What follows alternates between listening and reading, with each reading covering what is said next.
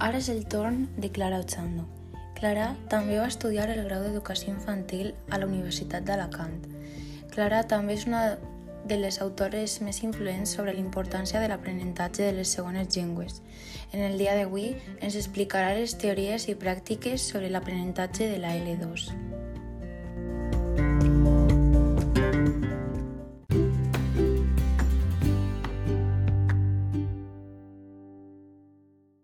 Soc Clara i avui us parlaré sobre les teories i pràctiques sobre l'aprenentatge de la L2.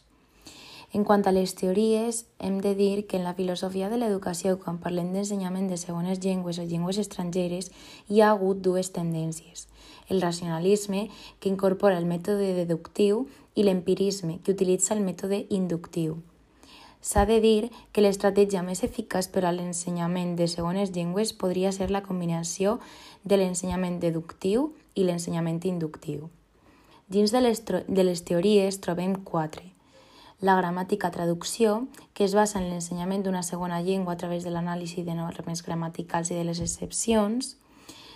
Lingüista estructural i mètode audiolingual, que es posa l'èmfasi en la llengua oral i també en la comunicació com a funció essencial del llenguatge també, també trobem la gramàtica generativa i enfocament cognitiu, on l'alumnat el que fa és formular hipòtesis sobre les regles per a, pràctic, per a una pràctica significativa i ser creatius perquè el llenguatge s'entén com un fenomen viu.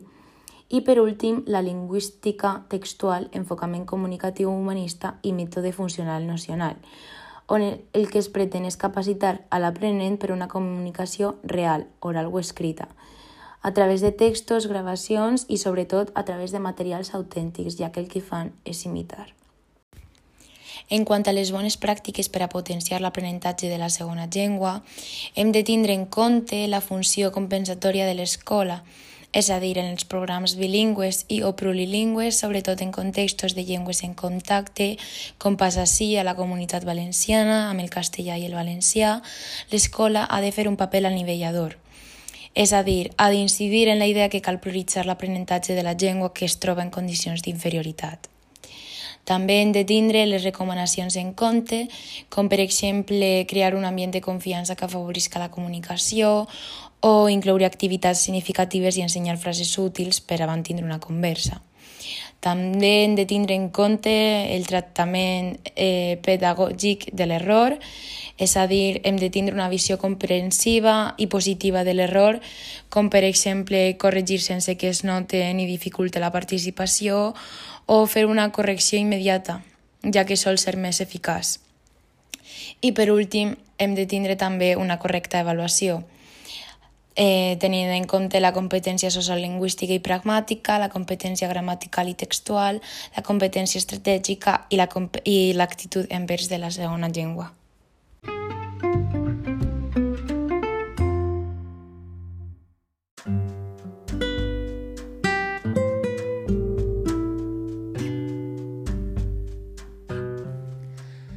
Moltes gràcies, Clara, per la teua intervenció. I fins així el podcast d'avui. Esperem que us hagi agradat i resultat molt interessant.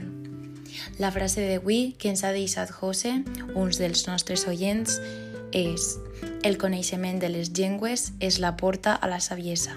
Gràcies, José. I amb aquest podcast tanquem la nostra intervenció. Esperem que us hagin agradat tots els episodis i esperem tornar amb un altre tema a tractar.